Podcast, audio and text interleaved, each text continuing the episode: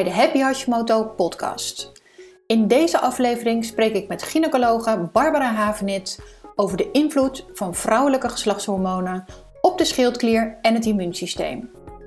In deze podcast hoor je of Hashimoto nu echt een vrouwenziekte is of niet, wat de invloed van de pil is op een trage schildklier, waar je op moet letten als je een kinderwens hebt, of een laag libido nu echt door de trage schildklier komt en wat er tijdens de zwangerschap en bevalling gebeurt met de schildklier en het immuunsysteem.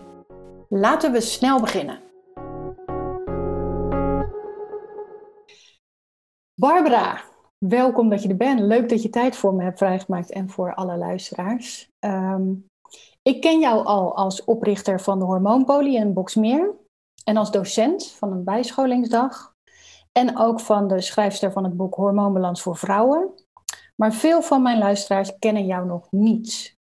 Zou jij jezelf kunnen voorstellen en met name ook kunnen vertellen wat de hormoonpolie inhoudt? Mhm. Nou, ik ben Barbara Havenit en ik ben gynaecoloog. En ik vertel er altijd bij dat ik me veel liever vrouwenarts noem. Het betekent precies hetzelfde. Je bent medisch specialist voor vrouwenziekten. Maar ik vind het woord vrouwenarts zoveel mooier, omdat ook laat zien dat ik een arts wil zijn voor vrouwen in hun geheel en niet alleen maar een arts voor de onderdelen van de vrouw. Het betekent werkelijk hetzelfde, hè? maar ja, toch heb ik mijn vak een andere wending gegeven door heel erg te oriënteren op, dat heet functionele geneeskunde. Dus kijken naar het geheel en kijken naar oorzaken van problemen in plaats van alleen maar snel pilletjes voorschrijven. Ehm, dat betekent niet dat ik, dat, dat ik geen medicijnen voorschrijf, maar ik kijk altijd naar het geheel van wat is uh, de rol van voeding, wat is de rol van stress, de rol van beweging, de rol van hormoonverstorende stoffen, slaap enzovoort in deze klacht. En altijd op zoek naar wat zit er achter de oorzaak, wat veroorzaakt dit. En zo geef je vrouwen ja, eigenlijk de tools in handen om hun gezondheid op de rit te krijgen. Dat doen ze grotendeels zelf, met hulp, met begeleiding. En dus ook met heel veel uitleg en kennisdeling. Zeker. Aan de zeker, cliënten. Zeker, ja. En ja, het klopt. Ik, ik merk gauw dat uh, heel veel vrouwen hier komen voor second opinions en voor vervolgopinions. En ja, eigenlijk is het nooit goed uitgelegd. Van waarom heb je dan dit? Waarom heb je zus? Waarom ervaar je zo? en dan ontmondig je mensen en geef je ze niet ja, de instrumenten die nodig zijn om grip te krijgen op je lijf en je gezondheid. Mijn luisteraars hebben een trage schildklier. En 90% van de trage schildklieren wordt veroorzaakt door de auto-immuunziekte Hashimoto. En Ongeveer voor elke uh, man met Hashimoto zijn er acht vrouwen met Hashimoto. Er zijn dus echt veel meer vrouwen met deze ziekte. Je zou dus als leek kunnen denken dat dat te maken heeft met de vrouwelijke geslachtshormonen. Hoe zie jij dit? Is daar een link? Kunnen wij zeggen dat het een vrouwenziekte is? Niet alleen maar een vrouwenziekte. Je zegt het komt inderdaad ook bij mannen voor. Um, ja, het heeft te maken met vrouwelijk hormoon. Uh, het heeft te maken met de balans tussen estradiol en progesteron. En met estradiol op zichzelf. En als je kijkt ja, waarom dat dan bij vrouwen zo belangrijk is, want ja, mannen maken ook estradiol, minder dan vrouwen, maar ze maken het wel. Um, het heeft alles te maken met ja, een heel belangrijke functie van vrouwen, uh, namelijk vanuit de evolutie is het de bedoeling dat we ons voortplanten. Ja. Dus je moet zwanger kunnen zijn, je moet in verwachting kunnen zijn, een kind kunnen dragen. Nou, dat gaat niet bij een normaal werkend immuunsysteem, zoals het er wordt te zijn bij mensen die niet in verwachting zijn. Het immuunsysteem van een uh, vrouw in verwachting moet juist een beetje anders werken. Het moet veel meer tolereren. Want er zit een baby in je buik en die is niet lichaams-eigen, die mag niet afgestoten. Maar dan verandert er een, een balans in het immuunsysteem, waardoor ja, de reactie op indringers zoals virussen en bacteriën wordt minder heftig. Maar het kan dan op een andere plek juist doorslaan in auto-immuniteit.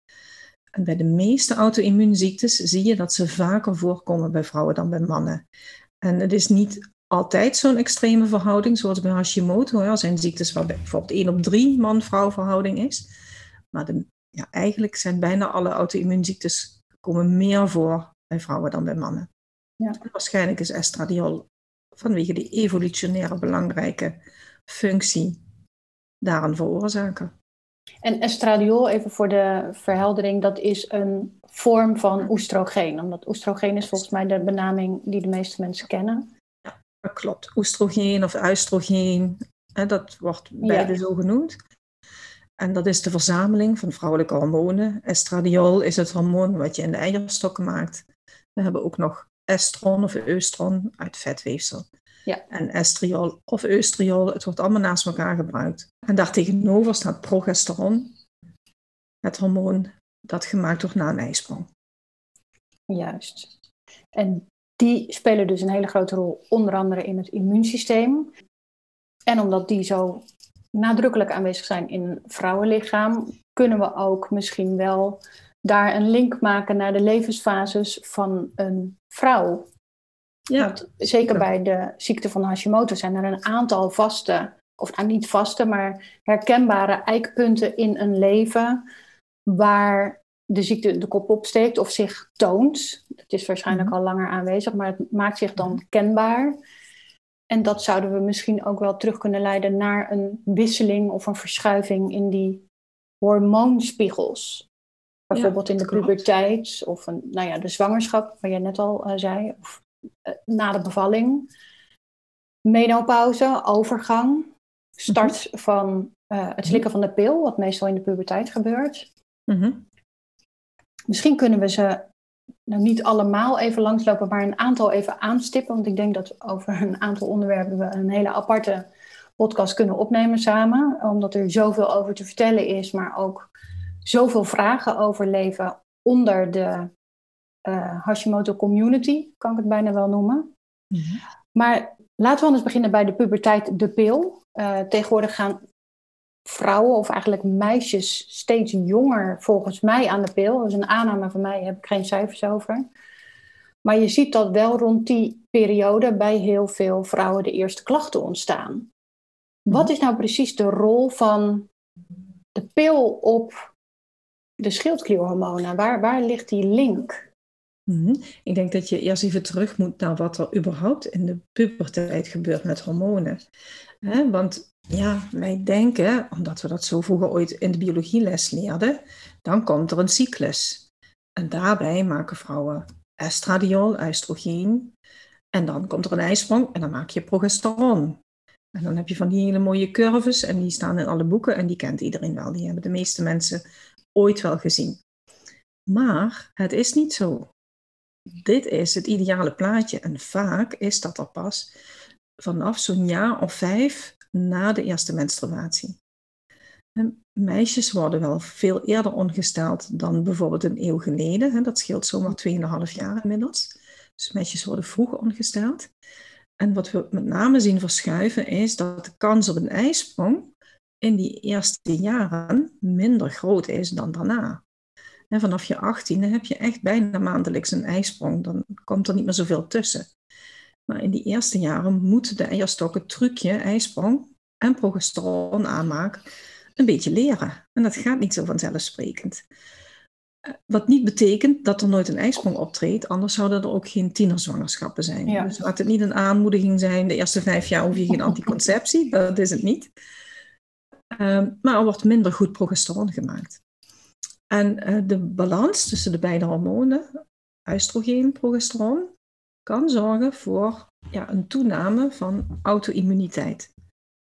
Dus, dus eh, minder progesteron, meer oestrogeen. En dat is ook de reden waarom zoveel jonge meisjes klachten krijgen van hun eerste menstruaties. Niet genoeg progesteron betekent bijna altijd hevigere menstruaties, pijnlijke menstruaties. Ze zijn vaak ook nog niet regelmatig.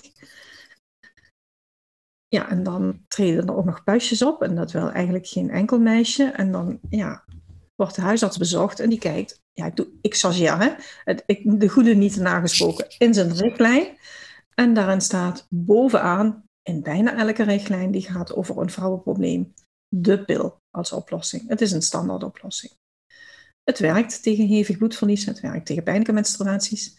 De vraag is inderdaad, is het nou wel zo goed om al met een pil te starten op het 12e, 13e, 14e jaar? Is dat niet wat jong? Heeft het lichaam die fase niet gewoon nodig? We weten het eigenlijk niet zo heel goed. Er is wel in de afgelopen 10, 10 15 jaar veel meer aandacht gekomen voor de negatieve bijwerkingen van de pil. Waar het na de introductie de eerste 30 jaar echt de hemel in gejuicht werd, de pil.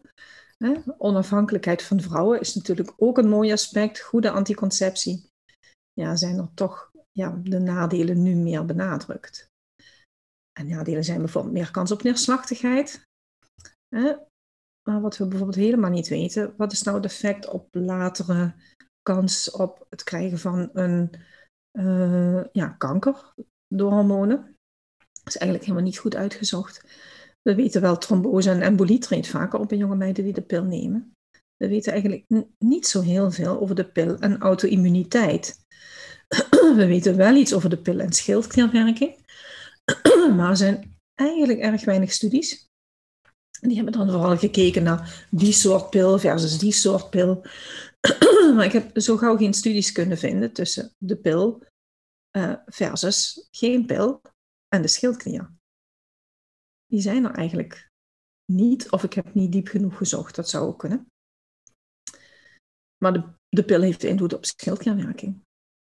En dan met name dus op uh, oestrogeen gaat omhoog, minder progesteron, waardoor auto-immuniteit misschien iets meer nee, wordt? In de pil zit natuurlijk ook altijd een progestatieve, dus een mhm. synthetische vorm van progesteron, ja. als een oestrogeen, ethinylestradiol, een synthetische vorm van oestrogeen. Die balans is eigenlijk altijd wel goed, dat is het probleem niet.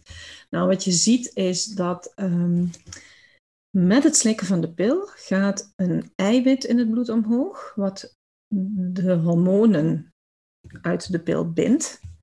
En dat heet SHBG, het sekshormoonbindende globuline. Dat zijn de transporteiwitten voor de geslachtshormonen. Juist. En zo heb je ook een transporteiwit voor schildklierhormonen. Ja. Uh, eh, TBG. Ja. En uh, dat gaat mee omhoog. Zoals ook het transporteiwit voor uh, bijnierschorshormonen, cortisol, mee omhoog gaat. CBG.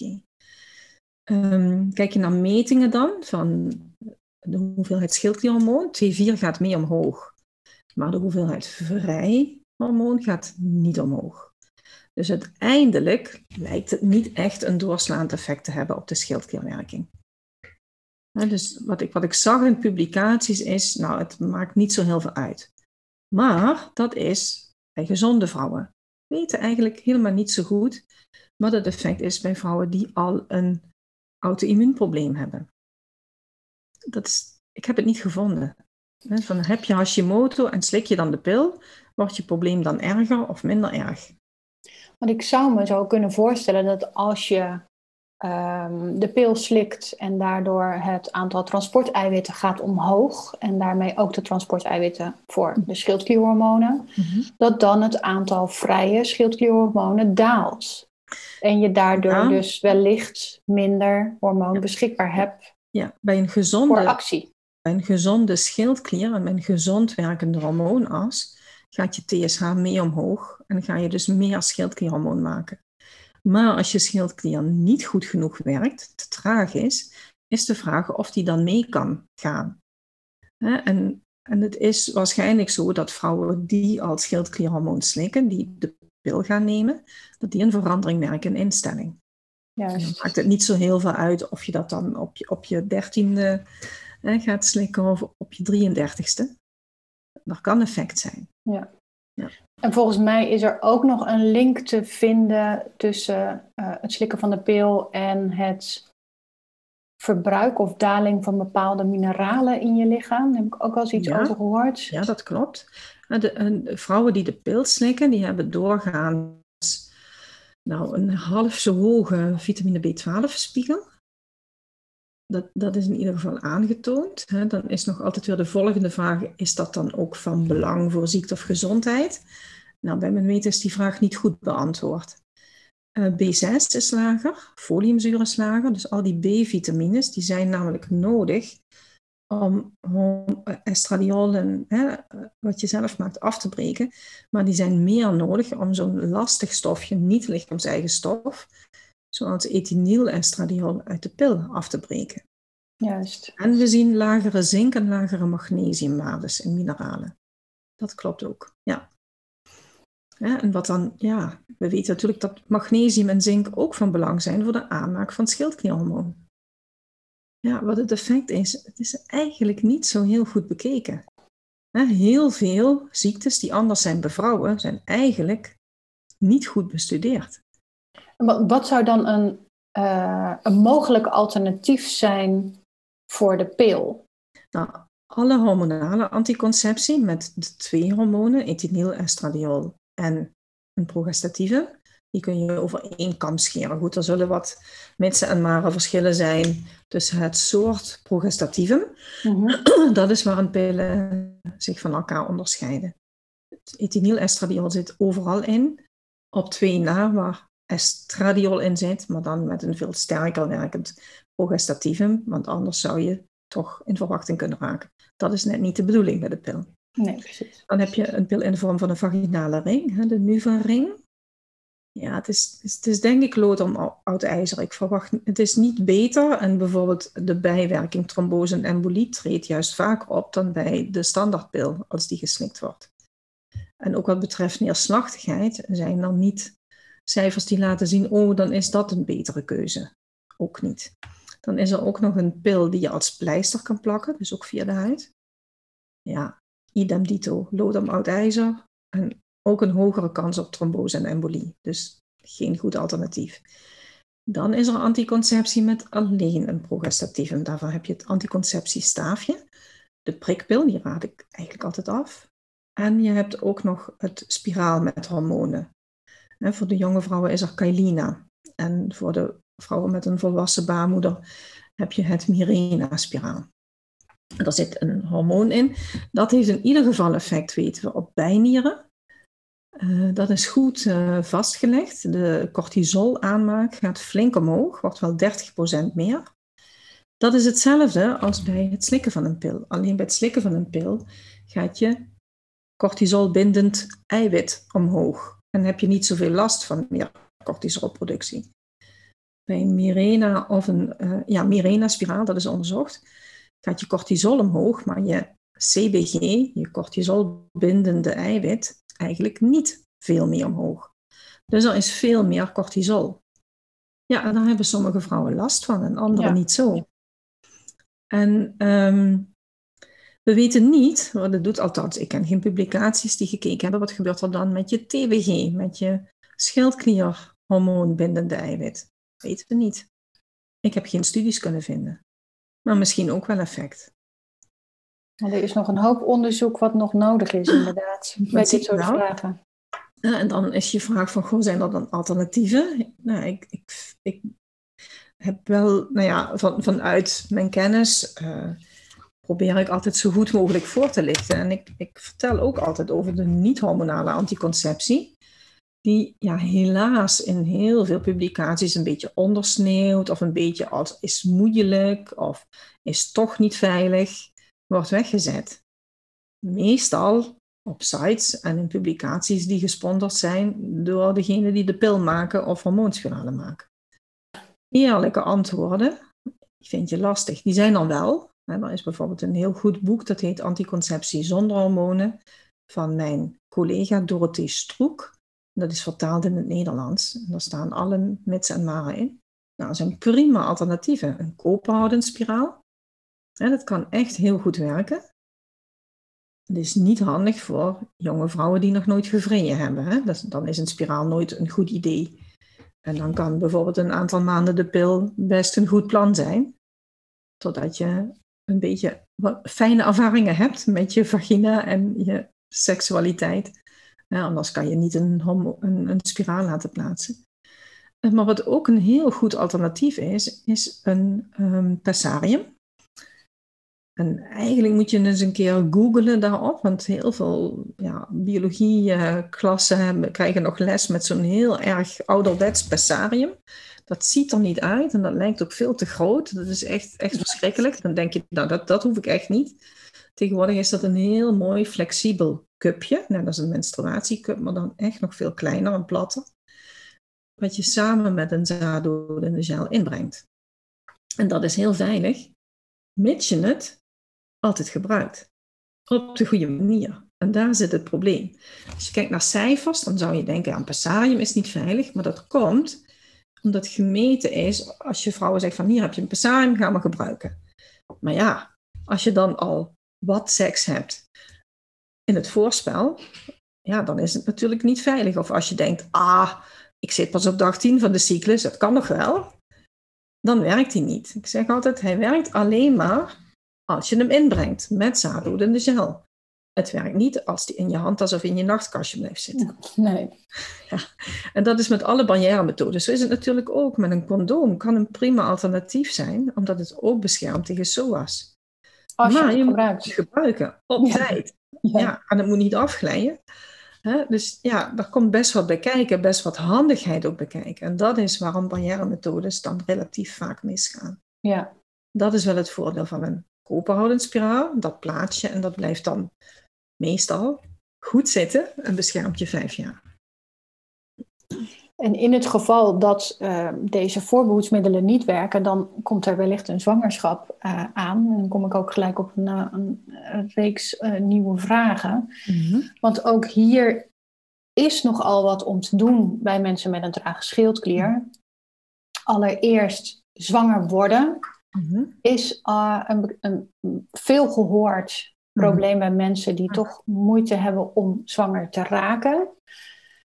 En gaan dan al een, uh, enigszins in de, ja, in de voorbereiding van moet ik mijn medicatie al aanpassen? Hoe zit dat dan met schildklierhormoon en zwanger zijn? Mhm. Um, wat adviseer jij mensen die bij jou in de praktijk komen die een trage schildklier hebben en een kinderwens hebben? Ik wil altijd heel graag een TSH meten, want daar zijn getallen over. Eh, en oké, okay, in, Nederland doen we een beetje luchtig over TSH en zwanger worden. Uh, bij IVF wordt er al wel iets beter gekeken. Wordt gezegd, nou, je TSH moet wel onder de 2 zitten. Ik weet dat er klinieken zijn in Duitsland en in België die zeggen, nou, je TSH moet onder de 1 komen. Wil je een goede kans hebben om zwanger te worden. Ik denk dat je altijd ook moet kijken naar van hoe voelt een vrouw zich met een TSH van lager dan 1. Als je je hyper de piep gaat voelen, is dat toch ook geen goed idee. Maar uh, ja, als je daarmee prettiger voelt dan met een TSH van 2, dan denk ik doen. Precies. Ja. Want naar wat ik heb uh, gelezen en begrepen, is het eerste trimester van jouw zwangerschap maak jij het schildklierhormoon voor beide aan. Dus voor, ja. dus voor jezelf en voor je ja, je baby heeft dan nog geen werk, het embryo zeg maar, heeft dan nog ja. geen werkende schildklier. Nee. Dus het is helemaal afhankelijk van jou. Maar is dat maar een mini klein beetje wat er over? Hè? Het is natuurlijk een, een, een uh, embryootje, het stelt nog maar heel weinig voor. Maar het heeft wel schildklierhormoon nodig. Bijvoorbeeld voor hersenaanleg, voor zenuwweefselaanleg. Dus het is wel vreselijk belangrijk. Um, als je kijkt van wat er normaal gebeurt als een vrouw in verwachting raakt met een goed werkende schildklier, dan gaat de schildklier veel harder werken. Al vanaf het moment ja, dat er een bevruchting heeft plaatsgevonden. En dat komt door het zwangerschapshormoon. En je gaat zwangerschapshormoon beta-HCG maken. Leg je dat naast TSH, dan zie je dat dat ongelooflijk veel op elkaar lijkt. Beta-HCG heeft een stimulerend effect op de schildklier. Daarom gaat die harder werken. Aha. Ja. Als je een schildklier hebt die niet meer hard genoeg werkt, dan heb je dus om die reden meer schildklierhormoon nodig als je in verwachting raakt. En dan is daar nogal wat om te doen. Er zijn echt wel goede publicaties die hebben laten zien, als je medicatie slikt, moet die met 30 tot 50 procent omhoog. En ik weet dat er intussen ook wel weer een publicatie geweest is die zegt, ja, maar zo hard hoef je niet te rollen, uh, mag wel iets minder. Um, ja, ik, ik, denk dat die wel omhoog kan, maar ook daarbij geldt, ja, het moet wel voor jou als vrouw goed voelen. Ja, precies. Dat je niet gaat hyperen bij voorbaat al. Nee, dat is natuurlijk niet de bedoeling. Maar ja, aan mijn patiënten zeg ik nog steeds, oké, okay, je bent nu in verwachting. Oké, okay, je, je, neemt normaliter, zeg eens wat, 75 microgram uh, uh, levothyroxine, nou, dan mag je gerust omhoog naar 112. Of misschien wel nog hoger. En dan gaan we eens kijken hoe je daarbij voelt en hoe je, hoe je waardes zijn. En ja, dat staat ook heel goed in je boek beschreven. Dat kan je niet na een dag al meten of na een week. Je hebt toch echt die zes weken insteltijd altijd nodig. Ja. Wat ik zo van de leden uit mijn Hashimoto community terughoor, zijn er toch nog steeds veel huisartsen en ook verloskundigen die dit niet weten. En hier dus ook niet in adviseren of begeleiden. Wat is de goede plek om dit aan te kaarten bij een huisarts? Als die... Ik denk dat je, dat je vooral zelf even ja, toch in, in richtlijnen moet duiken. Als je daar je toe in staat voelt, doe dat. En neem een uitgeprinte richtlijn of een link mee naar de dokter of de verloskundige die je bezoekt en zeg je, ja, volgens mij moet ik omhoog. En ja, ik denk dat je het zo moet doen. Ik, ja, ik vrees dat, dat het echt voorkomt dat een gynaecoloog, maar ook een verloskundige hier niet voldoende van weet. Het is wel een reden om naar een gynaecoloog doorgestuurd te worden als je bij de verloskundige meldt, als je een trage schildklier hebt. Ehm, maar het gebeurt niet altijd direct en dan gebeurt ook niet altijd direct een aanpassing. En ja, dat ligt een beetje aan de westerse geneeskunde, Vera. We hebben ontzettend goede specialisten die heel erg veel weten van een klein onderdeel. en je kan voor je zwangerschap terechtkomen bij een gynaecoloog die toevallig alles weet over uh, hevige menstruaties. Ja. Maar ja, die dan zwangere er een beetje bij doet. En ik, ik hè, het is echt niet bij iedereen zo, maar het kan voorkomen dat er dan een gynaecoloog is die dit net niet in de vingers heeft. Maar er zijn ook gynaecologen die helemaal gespecialiseerd zijn in zwangerschapbegeleiding en ook zwangerschap en auto-immuunziektes, maar die vind je ook niet in elk ziekenhuis. En dit is niet een pleidooi van ga vooral naar zo'n superspecialist. Ja, ik denk, voed je eigen dokter een beetje op.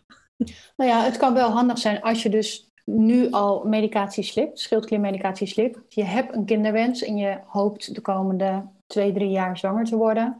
Dat je je daar nu al op inleest en wellicht ook al ehm, ja, je inleest in de materie en misschien ook al een specialist zoekt die uh, jou daarbij kan helpen of zich uh, melden bij jou, bij de hormoonpolie. Ja, ben ik of... met je eens. Ja. Want dan ben je op tijd en ben je vroeg. Ja.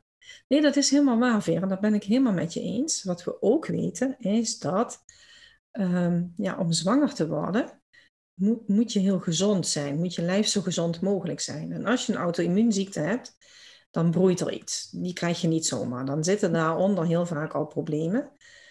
Maar hoe gezonder je lijf en hoe gezonder het lichaam van de partner met wie je je kind wil krijgen, de, de, ja, vaak, is dat dan je man. Hè? Nou, hè, als je als man en vrouw samen een kind wil krijgen, hoe gezonder je allebei bent, hoe gezonder je leeft, hoe meer kans op een gezond kindje. En wat er gebeurt in de aanloop naar die ijsprong en die bevruchting, die acht maanden daarvoor, negen maanden daarvoor, zijn super belangrijk. Dus hou het niet alleen op je medicijn verhogen, maar zorg ook ja, voor een heel gezonde leefstijl. en daarvoor, hè, dat staat natuurlijk ook in jouw boek, een leefstijl en met name ook voeding. Hè, die zijn waanzinnig belangrijk voor een gezond lichaam. Maar ja. roken, drink geen alcohol. Dat is nooit zo'n heel leuk bericht, maar het is echt ook aangetoond in publicaties. En de Gezondheidsraad in Nederland zegt voor allebei, man en vrouw, stop helemaal met alcohol als je een kinderwens hebt. Rook niet, beweeg. Ja, zorg dat je een gezond stresslevel hebt, nou, enzovoort, enzovoort. Al die dingen die we ook horen hè, om restklachten bij schildklierproblemen te verminderen. Ja. ja. Ja, die kan je inderdaad in een verlengde van elkaar zien. Het rustig krijgen van je immuunsysteem, je barrières in de gaten houden, lekkende darm. Juist. Gezonde tanden. En, en het is niet voor iedereen weggelegd om onderzoeken te doen naar de darm of naar voedingsmiddelenintoleranties. Maar eet het dan in elk geval vers, onbewerkt, geen toegevoegde suikers,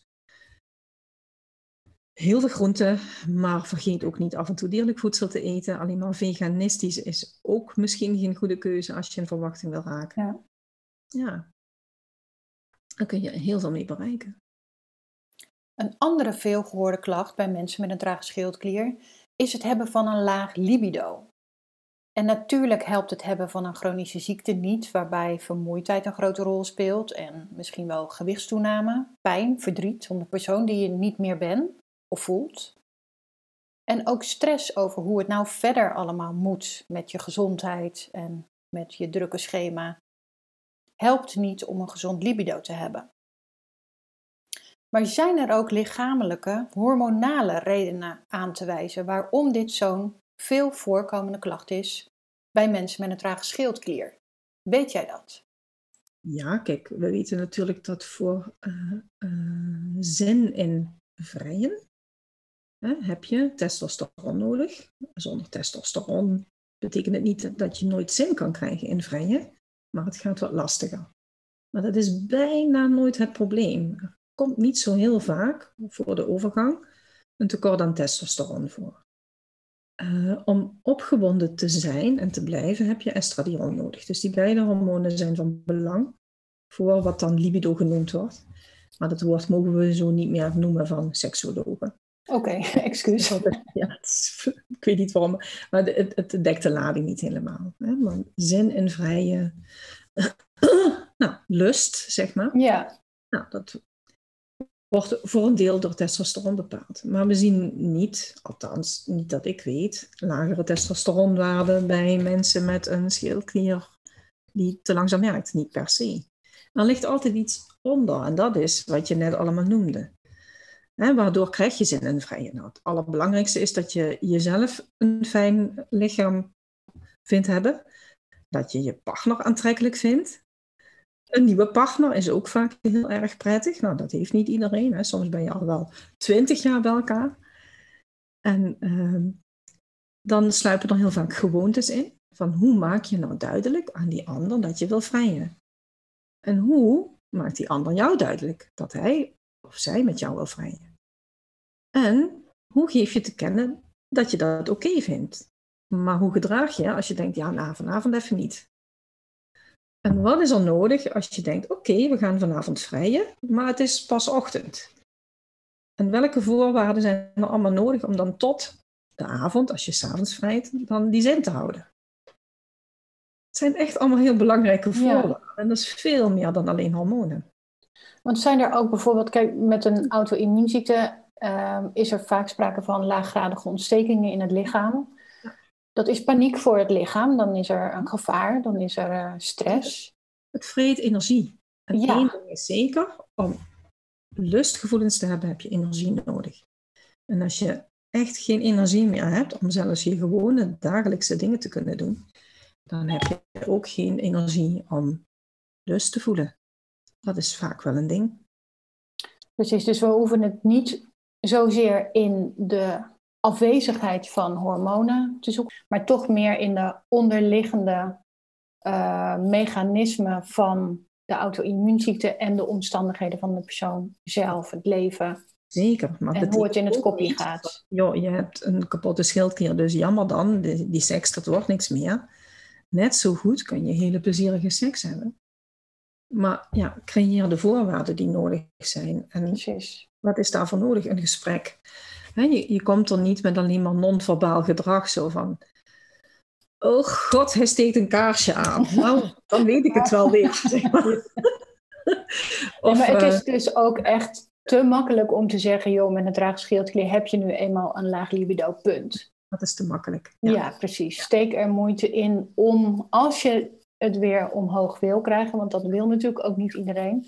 Maar stel dit is een ding voor je en je wil graag weer een gezond libido of zin in vrije, dan zou je dus eigenlijk aan de slag moeten met ja, kijk, kijk wat je zelf, kijk wat je zelf fijn vindt. Dat, dat is vaak een lastigheid. Veel vrouwen zijn toch erg geneigd vooral hun partner te pleasen en niet wat vind je zelf fijn. Dat is, dat is niet altijd even helder. Bespreek met je partner wat jij fijn vindt. Bespreek wat hij of zij fijn vindt. Want ja, alleen, alleen maar altijd zo doen als je het twintig jaar geleden deed, ja, dan verandert het niet. Dan nee, en dan heeft het dus ook niet per se meer iets met je trage schildklier te maken. Nee. Nee. Helder. Nee. Nou, het laatste onderwerp van vandaag, want ik denk dat we zo'n beetje wel af moeten gaan ronden voor deze podcast, is eigenlijk de periode na de zwangerschap, de bevalling. Mhm. Bij een hoop mensen die bevallen zijn, ontstaat, of bij veel mensen, ik, ik hoop dat jij dadelijk percentages en aantallen hebt, maar het komt nog wel eens voor dat er zo'n half jaar na een bevalling opeens een schildklierontsteking ontstaat. Mhm. Noemen ze dan de postpartum thyreoiditis in een uh, dure term. Die Mhm. gaat meestal binnen een jaar wel weer over, maar bij een flink aantal Mhm. gaat dat over in de ziekte van Hashimoto. Mhm. Wat is hier nou precies aan de hand en waarom is dat na een bevalling? Wat gebeurt er dan? Is dat hormonaal? Is dat immuunsysteem? Wat, wat, wat gaat daar mis? Of wat gaat er goed? Ja, ik, ik, ik denk eigenlijk, eh, Vera, dat het echt het immuunsysteem is. En daar kunnen hormonen wel een aanleiding zijn, hormonale veranderingen. Die zijn dan natuurlijk die zijn groot na, nadat je bevallen bent. En als je borstvoeding gaat geven, hè, dan daalt je hormoonaanmaak van sky high, zeg 100 zomaar naar 1. Dat is een enorme wisseling. Dat kan invloed hebben, maar ik denk ook dat ja, het bevallen en wat daarna gebeurt. Je hebt een waanzinnig grote open barrière. De binnenkant van je baarmoeder, daar zat een moederkoek, een orgaan van je kindje. Nou, dat laat los en er is een enorm mondvlak. Ik denk dat daar echt ook wel een rol weggelegd is voor immuunsysteem. Want die moet dan vol aan de bak, omdat er zoveel ja. ongewenst uh, ja. spul ja. binnenkomt. Ja, dat ho het hoeft niet ongewenst te zijn. Kijk, als je een fantastisch microbioom hebt van tevoren, met name in je vagina, wat vol zit met prachtige lactobacillen die ontstekingen remmen en die ellendelingen buiten de deur houden, dan is er niks aan de hand. Die zorgen ook wel dat hè, bij die barrière baarmoeder iets hogerop, dat het daar rustig blijft. Maar als je in je vagina niet de gewenste bacteriën hebt, ja, dan heb je al wel een achterstand. En hoe komen die bacteriën dan in de vagina? Nou, vanuit je darmen. En hoe krijg je nog gunstige bacteriën in je darmen? Door gezonde voeding. Voeding, ja. En ja, door bijvoorbeeld te kijken naar mogelijke onderliggende problemen, zoals intoleranties of nou ja, stress of hoge blootstelling aan toxines, zware metalen, hormoonverstorende stoffen. Dat heeft invloed. Ja, medicatie kan ook nog invloed hebben. Ja. Kortom,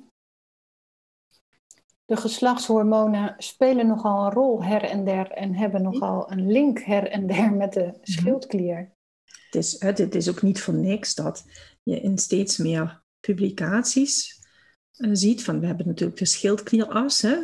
HPT-as op zijn Engels. En je hebt een HPA-as van de bijnier.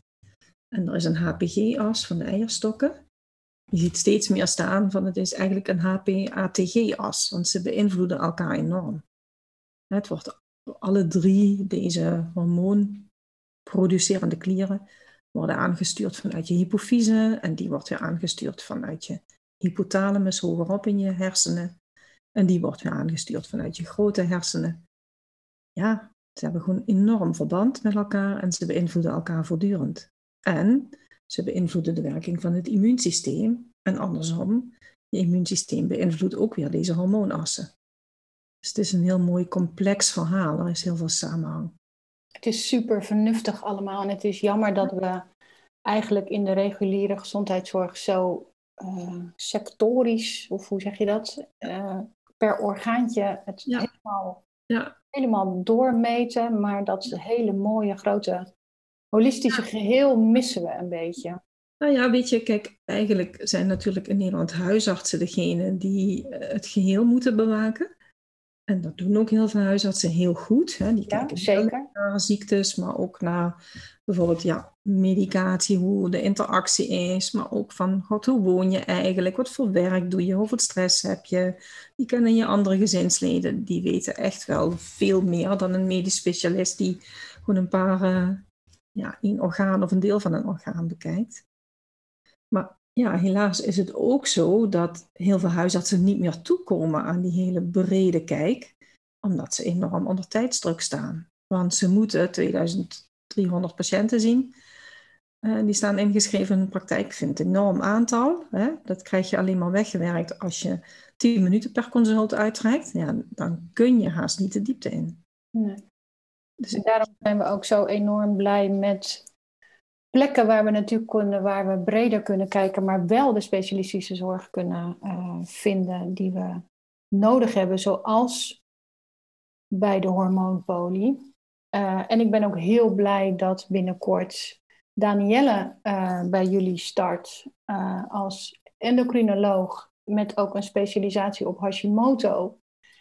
Die ook nog eens ja, zoveel specialistische kennis op dit vlak heeft, maar ook op de de bredere kijk en de holistische kijk en de leefstijlvisie uh, heeft. Dus um, ja, ik denk dat dit een hele mooie uh, aanvulling is op wat mensen in de podcast uh, vinden en online zoeken. Dat er ook een plek is waar ze met specialistische vrouwen, hormonale vragen naartoe kunnen.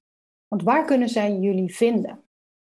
www.hormoonpolie.nl dat is onze website. En ja, mocht je je willen inschrijven als patiënt, dat kan. En, uh, dat kan met verwijzing, maar hoeft niet eens, uh, omdat we een particuliere praktijk zijn. En uh, ja, ik, ik, werk het liefst natuurlijk ook altijd in overleg met huisartsen. dus het is wel fijn als die ervan weet. maar ja, je, kan, je kan bij ons inschrijven. Je moet wel even goed de pagina lezen die gaat over vergoedingen en over kosten. Want ja, er zijn meer kosten aan verbonden dan wanneer je naar een specialist in een ziekenhuis gaat. Wat altijd volledig vergoed wordt met een basisverzekering. En dat is bij ons niet. Het kan wel vergoed worden met een aanvullende verzekering, maar niet zo vaak helemaal. En als mensen daar uh, of dat één stap te ver vinden, is natuurlijk ook altijd nog het boek wat jij schreef met uh, Ralf Moorman samen, Hormoonbalans voor vrouwen.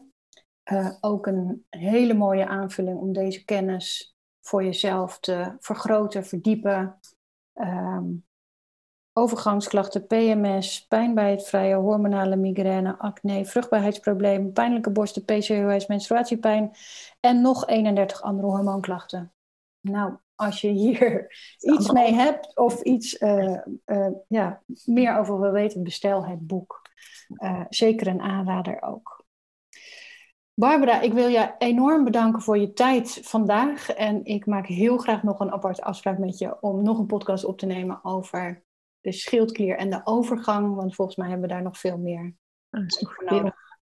En ik denk ook dat alleen al aan de hand van deze podcast dat je nog weer nieuwe vragen binnenkrijgt van jouw uh, luisteraars. Dus ik, ik voel aan dat er nog een vervolg komt. Ik voel het ook aan. Laten we daarvoor gaan en uh, onze kennis bundelen en nog veel meer mensen op weg naar een gezond en uh, een blij leven helpen. Nogmaals dank voor het fijne gesprek en het delen van al je kennis met de luisteraars van deze podcast. Graag gedaan en graag tot een volgende keer. Dit was alweer de aflevering van vandaag met een boeiend en belangrijk onderwerp voor vrouwen met een trage schildklier. Heb je nu vragen naar aanleiding van deze podcast? Stuur me dan een berichtje via vera.hashimoto.nl of via mijn Instagram-account. En wie weet neem ik dan binnenkort weer een aflevering met Barbara Havenit op voor je. Nogmaals, dank voor het luisteren en tot een volgende aflevering.